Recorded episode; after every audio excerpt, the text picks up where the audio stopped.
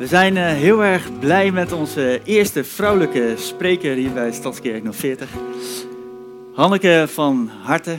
Uh, ze is getrouwd, heeft uh, drie kinderen, inmiddels tieners. Heeft een eigen coachingspraktijk. Ehm, zet zich in voor kinderen in armoede. Vorige week nog een hele week naar Capverdi geweest. Ik, ik, weet niet eens waar je zit. Ah, hier. Dus, en daarnaast uh, is ze spreker en wij kennen je vooral ook als iemand die heel gepassioneerd in het leven staat en uh, enthousiast is over God, de kerk. Dus we zijn benieuwd naar wat je met ons wil uh, bespreken. Dankjewel. Ja, de eerste keer echt een preek. Um, ik ben, heb wel heel veel ervaring hoor, met preken, want ik preek al jaren tegen mijn man en mijn kinderen. Dus dat komt op zich helemaal goed. Ja. Ja, dan zitten we ineens met z'n allen in het Evelion. En ehm, als ik terugdenk aan het Evelion, dan heb ik daar best wel leuke herinneringen aan. Ik ben echt een Eindhovenaar. En ik uh, fietste al jaren naar school en naar sport. En dan fietste ik altijd langs het Evelion. En um, toen ik zeven jaar was, toen nam mijn vader ons mee naar het Evelion. Want er was een beurs van technologie en wetenschap. En um, ja, we kwamen hier in die grote koepel en het stond vol met allemaal nieuwste snufjes en mooiste televisiedingetjes en allemaal uitvindingen.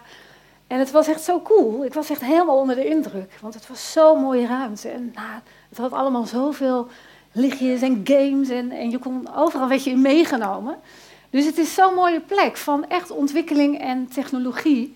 En hoe tof is het dat je dan als kerk midden in Eindhoven, de lichtstad, in dit gebouw, het eeuwige verhaal, wat in de kern nooit veranderd is, wat een wetenschap is van Jezus leeft, dat dat vanaf deze plek Eindhoven in mag stromen. En ja, ik ben ook gewoon een beetje trots dat dit gewoon de plek is um, waarvanuit dat mag gebeuren. En um, ja, dit is een iconisch gebouw. Het, het, wordt wel eens genoemd een paddenstoel, een uh, UFO, een uh, ruimteschip. Um, vliegende schotel. En uh, ja, vroeger weet ik ook nog dat het ook heel mooi verlicht was. Dat al die lampjes ook s'avonds uh, ja, heel mooi van kleur veranderden en afwisselend aan en uit gingen. Dus een plek van licht. En ja, dan mogen we vandaag ook weer een stukje licht uh, vertellen aan jullie. Monument. Het is ook een monument, ja. En voor de toekomst is het ook nog wel weer een beetje onzeker hè, hoe het gaat veranderen.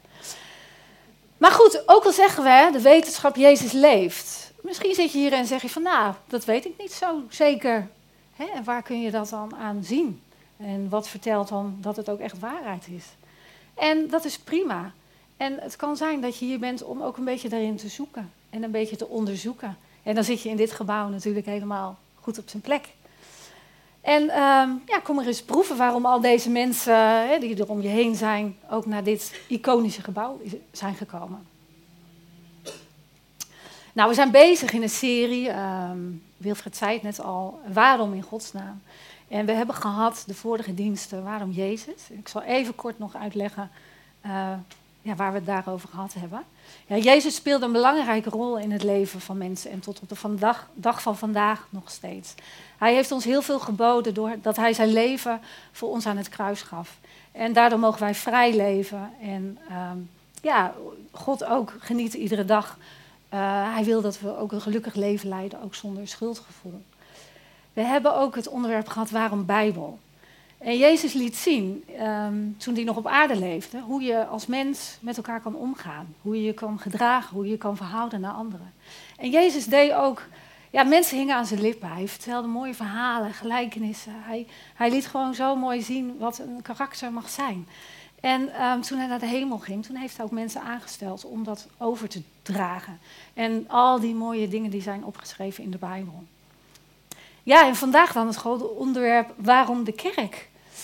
En um, ja, misschien denk je van, nou, ik is helemaal niet goed wijs geworden, want ik heb van de week nog op het nieuws gehoord uh, dat het voor het eerst is dat niet-religieuze mensen in de meerderheid zijn in Nederland. Uh, Wilfred zei er net ook al over. En de groep die het meest geslonken is, zijn de mensen die wel geloven, maar niet naar een kerk gaan en geen dienst bezoeken. En dan wil ik met jullie vandaag gaan spreken over kerk. Dus dat is best wel een beetje het minst hippe onderwerp eigenlijk voor nu. Dus, ehm, maar toch is er iets. Toch is er iets waarom jullie hier zitten. Toch is er iets wat jullie naar deze plek heeft toegehaald. En bedenk maar eens even voor jezelf wat dat is. Hebben we niet met z'n allen toch een beetje behoefte aan een stukje warmte, een stukje liefde, stukje van Jezus? Nou, als je teruggaat in de tijd, dan zie je dat de kerk niet altijd positief in, in het nieuws is. Er zijn veel dingen gebeurd die de kerk typeren als misschien wel helemaal geen fijne of geen veilige plek. Veel teleurstellingen, veel verdrietige verhalen, veel kerkafsplitsingen. Ehm, maar we kunnen wel allemaal leunen op de geschiedenis. Als je helemaal teruggaat naar de Bijbel, waar de kerk voor de eerste keer is opgestart, dan zitten daar wel elementen in die wij tot op de dag van vandaag nog kunnen gebruiken. En we leunen ook eigenlijk wel op de geschiedenis. Want daarvanuit borduur je ook weer voort. En blijkbaar is er dus nog steeds een behoefte. En er worden ook nog steeds nieuwe kerken gesticht. En zo zitten we hier vandaag ook uh, hè, als pas beginnende nieuwe gemeente. Dus ergens is het verlangen naar meer hoop en liefde en vrede en Jezus in jouw leven toch wel ergens misschien aangewakkerd. Nou, kerk wordt vaak gezien als een gebouw of een instituut. En nou ja, hè, we zitten nu vandaag in dit zaaltje. En, en toen ik twee weken geleden hoorde van dat we niet in die andere zaal, de Philipszaal, zaten, toen baalde ik een beetje. Toen dacht ik van, oh, ik had ook wel op zo'n mooi podium willen staan. En, en de verlichting was helemaal top. En de band die klonk nog beter dan dat ik vandaag al klonk. En het ziet er gewoon gelikt uit. Lekkere bioscoopstoelen, voor de jeugd ook helemaal leuk. En ik dacht van, oh, dan sta ik hier vandaag voor de eerste keer en dan, dan moet ik het hier in zo'n zaaltje doen. Maar toen dacht ik ook wel weer van, maar ja, waar ontmoet je God? Typeert dat een kerk, een gebouw? Of is dat iets wat je overal kan ontmoeten? Dus ik werd een beetje ook op mezelf geworpen van ja, weet je Hanneke, en Jezus ontmoet je overal. Dus het maakt niet uit. Ik vind het eigenlijk nog wel heel intiem ook. Ik kan iedereen goed aankijken en ja, ik voel echt verbondenheid ook met jullie. De kerk wordt ook gekoppeld aan een dominee, vaak. Of aan een voorganger of een pastoor. En ehm, ik las ergens dat er vroeger vaak werd gezegd over een dominee... voor zes dagen onzichtbaar en de zevende dag onverstaanbaar. Nou, wat zijn nou redenen waarom mensen naar de kerk gaan, normaal gesproken? Ehm, een verplichting. En misschien zit je hier ook omdat je een verplichtend gevoel hebt. Of omdat je mee moet van je vader en moeder. Misschien kom je hier voor sociale contacten. Voor om relaties te onderhouden, relaties op te doen, uh, te connecten met mensen. Ontmoeten voor andere jeugd. Samen. Samenkomen. Ja. ja. En het kan hier ook zijn dat je komt om een stukje van Jezus te proeven. En om gevuld te worden met, met zijn prachtige evangelie. Nou ja, het kan ook zijn dat je hevig teleurgesteld bent. Dat je ehm, ergens onderweg ervaren hebt van, het voelt niet goed. Kerk voelt niet goed. En ja, het was meer een kille aangelegenheid dan een warm bad. Met eentjes die misschien wel nep zijn dat het van de buitenkant mensen lijken uh, die in hun gedrag soms iets anders laten zien. En die niet de warmte weerspiegelen die jij zoekt bij een kerk. En misschien zit je vandaag ook wel een beetje op je hoede van, ja, ik wil eigenlijk ook niet nog een keer teleurgesteld worden. Want dan voel ik weer die bevestiging, oh ja, zie je wel, het is dus echt waar wat ik altijd in mijn gedachten als patroon heb ontwikkeld. Nou, teleurstellingen kunnen zitten in de kerk heeft zoveel regeltjes. De mensen zijn niet echt. Uh, liefde was of is er ver te zoeken. De kerk klopt alleen maar geld uit je zakken. Je voelde je niet gezien, ook niet als kind. Um, wat een schandalen en misbruik horen we tegenwoordig op de radio en op het nieuws. Je voelt overal oordeel. Uh, je begrijpt de kern, uh, de kern van de Bijbel niet en je kent de Bijbel niet. En je weet niet wat voor verhalen er in de Bijbel staan. En dat maakt je dat je je misschien niet welkom voelt of dat je je minder voelt meetellen. En het is waar. Het is helemaal waar. Deze dingen heeft de kerk laten voelen, laten gebeuren. En het heeft geen positieve invloed gehad op het beeld wat je misschien hebt gekregen van de kerk. En misschien heb je wel helemaal geen ervaring met de kerk en heb je een beeld gecreëerd wat je misschien op straat uh, van mensen hebt, hebt meegekregen. Van nou, als dat liefde moet zijn, als dat kerk moet zijn, doei.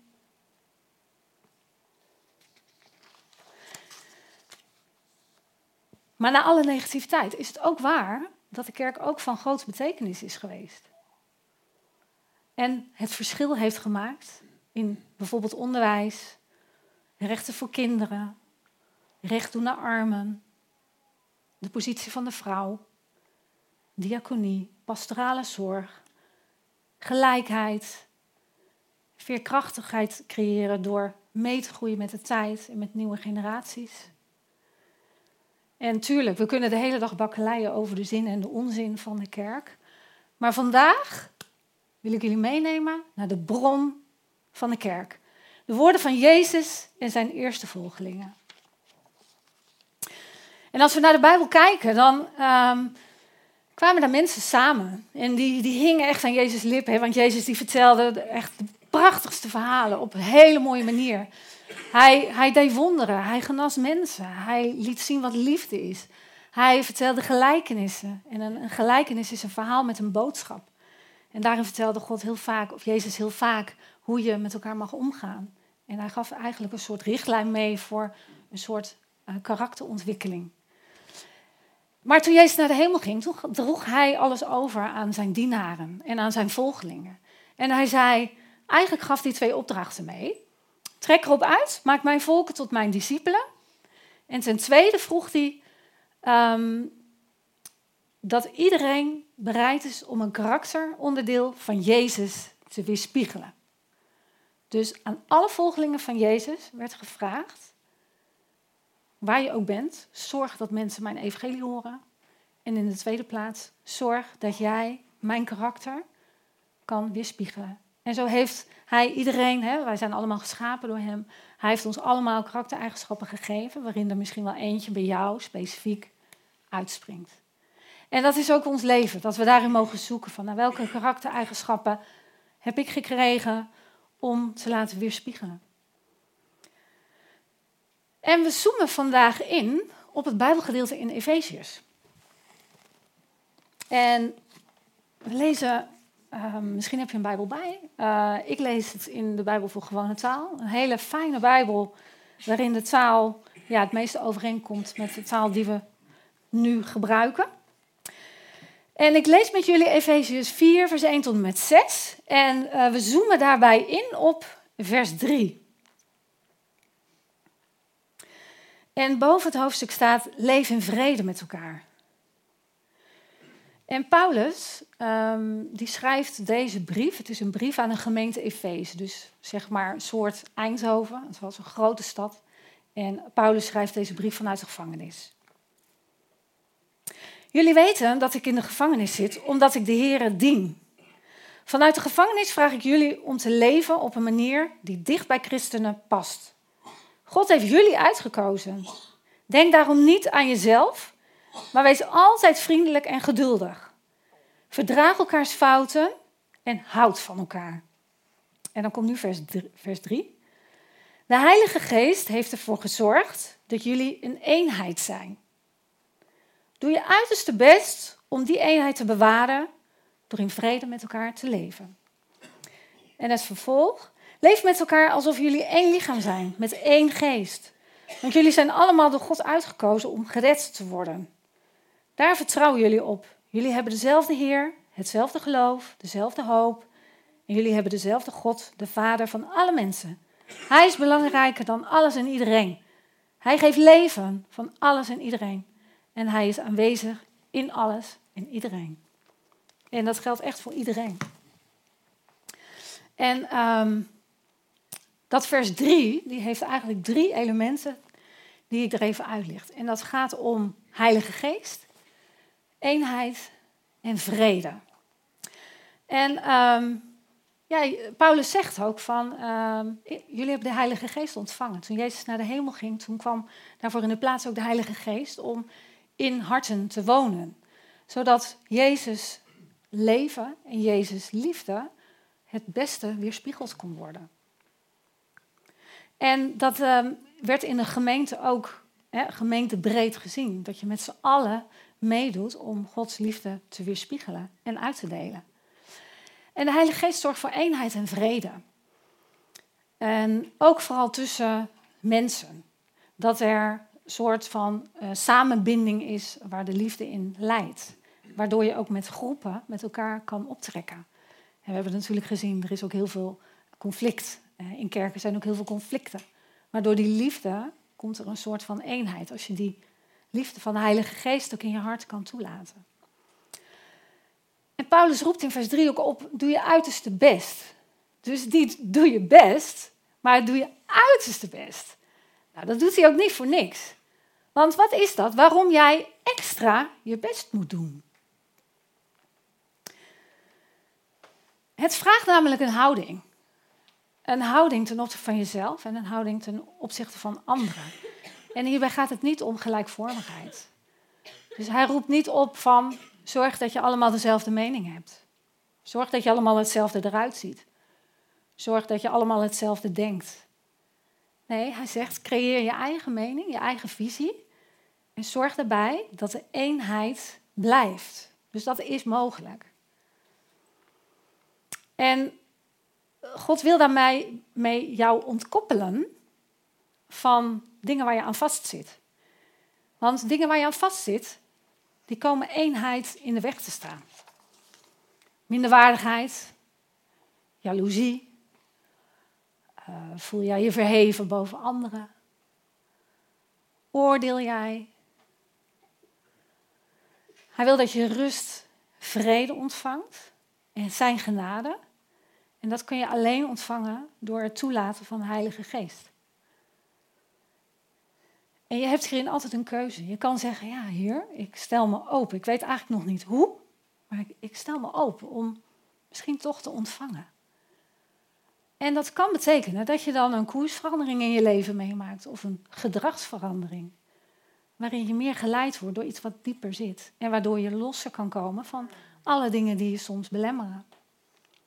En het geeft een soort nieuw gezichtsvermogen. Um, nou, Paulus die uh, vergelijkt in de Bijbel um, Gods kerk met verschillende beelden. En ik licht er eentje uit. Hij zegt, de kerk is een, als een soort huisgezin. Een soort familie. Eén belangrijk beeld. God wil dat wij als familie met elkaar omgaan. Dus als broers en zussen. Dan zijn we één onderdeel, één gezin met Jezus aan het hoofd. En zo mogen we met elkaar omgaan. Dus het is niet belangrijk welke kerkelijke achtergrond heb je, waar kom je vandaan, wat doe je momenteel. Maar het gaat erom, wij zijn allemaal schepselen van God. Wij zijn gemaakt door God. En wij zijn een gezin en Hij staat aan het hoofd. En dat huisgezin, dat kan alleen maar blijven bestaan als dat gevoed wordt door liefde.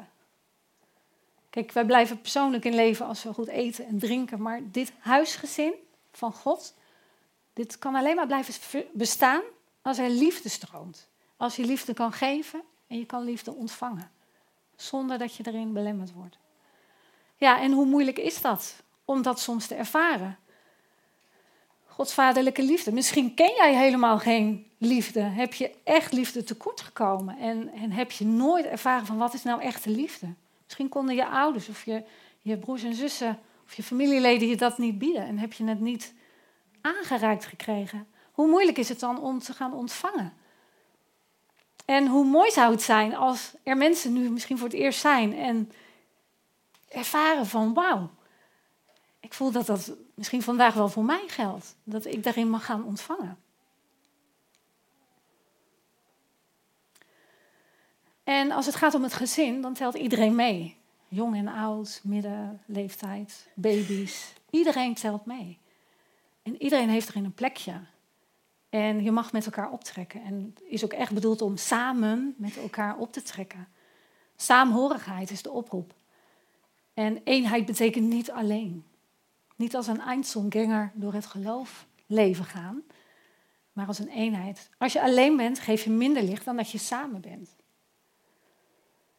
Nou, toen ik een tijdje geleden, twee jaar geleden, een hernia had. Ik had een, rughernia en ik merkte van, hé, hey, ehm, er gebeurt hier iets in mijn lichaam waardoor ik een soort van in tweeën ben. Dat, want hier was het allemaal nog op zich redelijk normaal, maar daar, naar beneden toe, functioneerde het niet meer.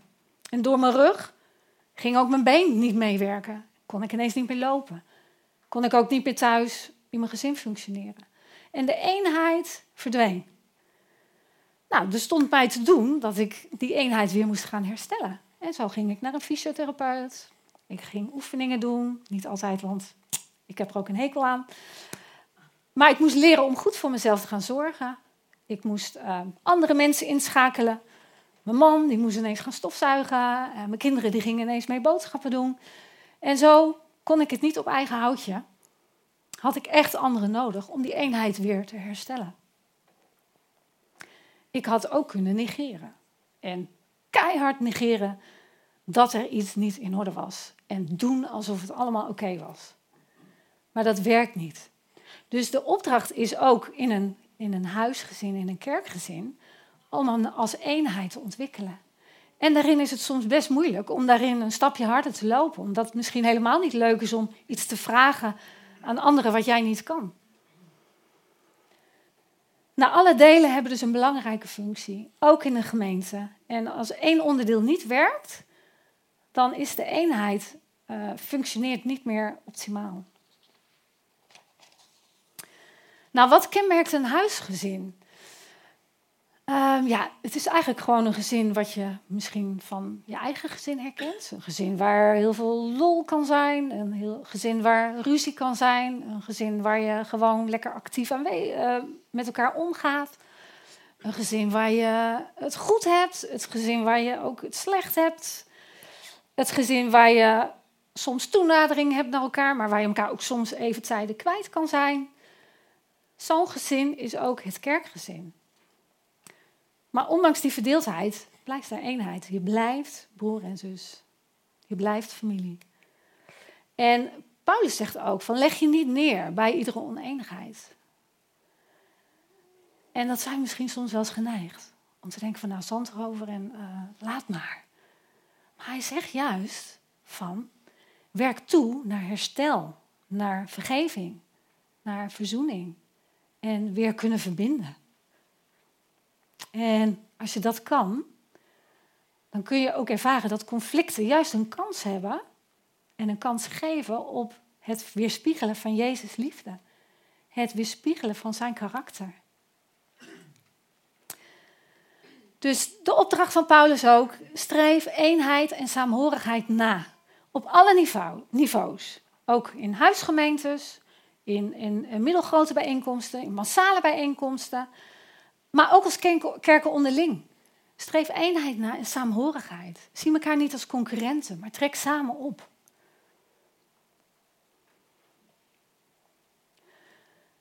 En een gemeente, een huisgezin, is er niet in de eerste plaats om aan een behoefte te voorzien. Kijk, als je je kinderen opvoedt, dan, dan houdt het ook niet op bij, joh, ik geef ze alleen te eten en te drinken en te slapen. En that's it. Nee, het gaat om meer. Het gaat om een diepere laag. En zo mogen we als gemeente er ook zijn voor de omgeving. Ook voor de maatschappij. Ook voor de wereld verder weg. En mag je ook recht doen. Ook belangrijk is in een gezin dat je iedereen betrekt, waaronder ook de jeugd. Jeugd is de nieuwe generatie. En kun je verbinden met jeugd? Kun je interesse opbrengen voor ze? De jeugd weet stiekem veel meer dan dat wij soms denken. En die hebben ook een stem. Wees lief voor ze. Wees aardig voor ze. Betrek ze erbij. Niet misschien tijdens de kerkdienst, maar probeer ook op andere momenten connectie te vinden bij de jeugd. En Jezus die liet het ook zien. In de Bijbel is een verhaal waarbij hij de oudere mensen opzij duwt en zegt: Kinderen, kom. Jullie zijn belangrijk. En het is een waarschuwing voor ons ook als ouderen. Van ken je plek. En je hoeft niet zelf je naar voren te dringen om aandacht op te eisen. God ziet jou. Maar hij wil dat je ook ruimte biedt aan anderen. En dat vooral ook aan jeugd. Nou, bij een kerk is iedereen welkom. Er is geen selectie van ras of kleur of, of uh, opleiding, maatschappelijke achtergrond, cultuur. Um, of het feit hoe goed je de Bijbel kent of niet. Dat, dat doet er niet toe. Iedereen mag komen en iedereen is echt even welkom. Nou, vandaag de dag mogen we ons misschien wel realiseren van, kunnen we een beetje terug naar die tijd van Efeze. Want die kenmerkte zich wel door heel veel contact onderling, face-to-face. Veel eten met elkaar. Er werd vroeger in de Bijbel heel veel met elkaar gegeten. Wanneer is de laatste keer geweest dat jij iemand hebt uitgenodigd om mee te eten of mee koffie te drinken? En kunnen we daar nog tijd voor creëren om daarin elkaar te zien en elkaar uit te nodigen? Ook al denk je misschien, die ander die zit niet op mij te wachten, want die heeft het heel druk. Kunnen we dat naast ons neerleggen? Nou, God wil echt enorm graag dat we bij zo'n gezin horen, bij zijn gezin horen, want hij gunt ons het beste. Hij wil zo graag ook zichtbaar worden door mensen heen. En waar wij af en toe wel eens de vraag hebben van, maar hoe kan ik God zien? Hoe wordt God dan zichtbaar? wij geloven allemaal dat het een waarheid is. Maar hoe? Dat is altijd zo'n grote vraag, ook voor jeugd. Van, maar hoe kan ik God dan zien? Nou, je mag ervaren dat God ook echt door mensen heen aanwezig is. En dat je daar ook iets voor kan ontwikkelen om dat te gaan zien. God komt in veel meer momenten tot jou dan dat jij misschien wel in de gaten hebt.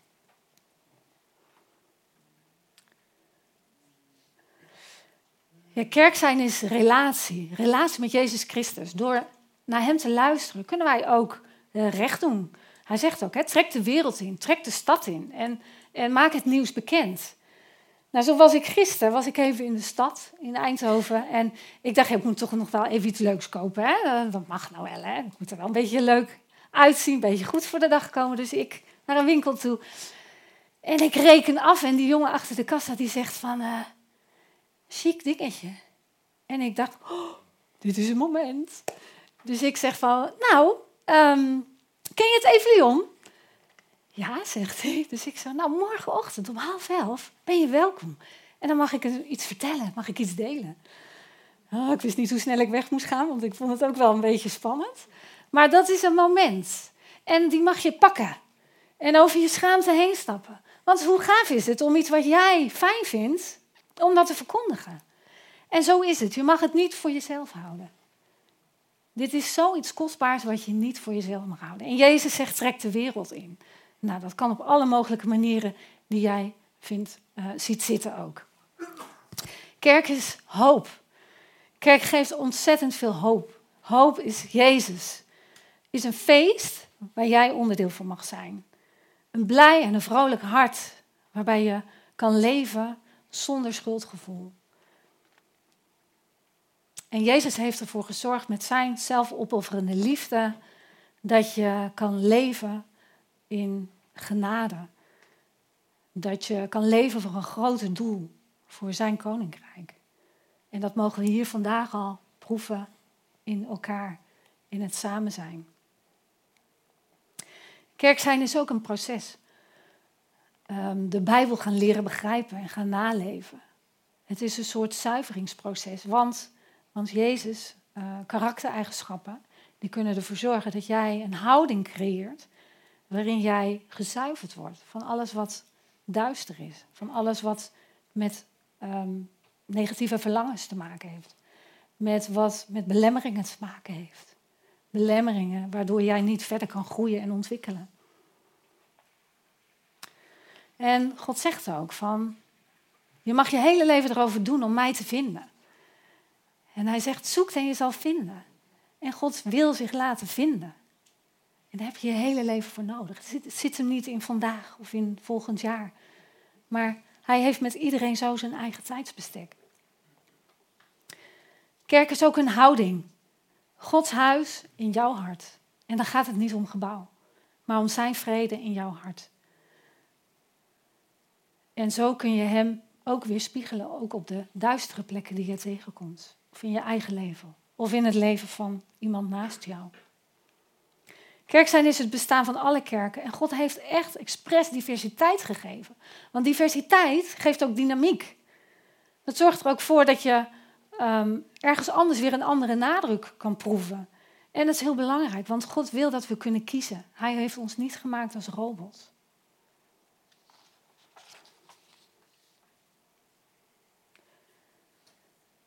Dus kerk is een plek van hoop. En ehm, een plek waar je jou mag zijn, jouzelf. En een plek waar je niet iemand anders hoeft te zijn. En waar je samen met elkaar verder trekt. En hoe zou de wereld eruit zien? Hoe zou Eindhoven eruit zien als we meer met elkaar kunnen optrekken? Dat we meer van Jezus licht. We zijn een lichtstad. Hoe kunnen we meer van Jezus licht weerspiegelen? Zou dan niet de stad nog een beetje aantrekkelijker worden? Zouden we dan niet nog meer prettiger leven kunnen leiden? Nou, toen ik uh, in Frankrijk was uh, onlangs, in de zomervakantie, waren we op vakantie in Frankrijk. En uh, ik zat al een beetje voor te bereiden met vandaag. En ik zat op een verandaatje. En het was de dag dat Frankrijk het WK-voetbal speelde en won. Nou, dat is niet onopgemerkt gebleven, want de Fransen die gingen echt helemaal los. Die gingen gillen, die gingen zingen, die gingen feestvieren, die gingen klaksonerend door de stad. Ze dirkten zich op, ze, ze hadden zich helemaal uitgedost. Ze gingen schreeuwen, liedjes zingen, knuffelen. Um, vuurwerk was er, echt waar. Op de, alle stranden uh, die ik kon zien, was vuurwerk te zien. En toen dacht ik, ja, zo zou eigenlijk kerk mogen zijn. Alle elementen die ik daar heb gezien, die horen eigenlijk ook bij een kerk. Het samen uitleven, het samen genieten, het samen zeggen, yes, we did it. Ik moet er ook altijd een beetje om lachen, want mensen zeggen dan in, in ook af en toe een beetje een dronken buis ja, we hebben echt zo hard geknokt.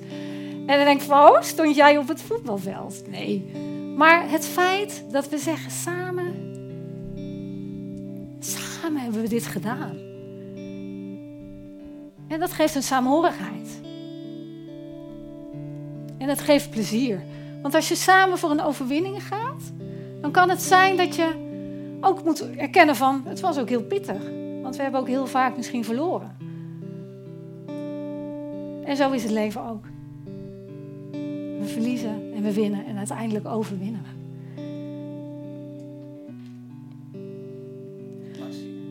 En als er een samen is, als er een samen is, dan steun je elkaar. En dan mag je samen een eenheid zijn. Dan mag je Gods liefde weer spiegelen. Mag je elkaar meehelpen van, hé, hey, ik vind het moeilijk om Gods liefde te weerspiegelen. En dan kan je er voor elkaar zijn. En een sfeer van samenhorigheid en gemoedelijkheid is het mooiste in elkaar naar boven halen. En samen Jezus volgen op weg naar een hoger doel, naar zijn koninkrijk. En is dat ook een stukje waarin jij naar op zoek bent in de kerk? Zou jij daar ook meer van willen proeven? En mag ik je vragen? We zitten hier nu in, in de lichtstad. En hoe zit dat bij jou, in jou van binnen? Is er ergens een stukje licht? Is er ergens een lampje? Heb jij verwachting met dat lampje? Is het iets wat nog heel klein is en heb je behoefte aan dat dat aangewakkerd wordt? Hoe groot is jouw verlangen? Zou je willen dat het lampje misschien iets groter wordt? En zou je daarin willen ontwikkelen? Een lichtje van hoop, ook al is het misschien nog heel klein. En wil jij met jouw honger naar een lichtje? Of met jouw verstraler? Misschien heb je al een mega groot licht. Zouden jullie een groter onderdeel willen zijn van dit geheel.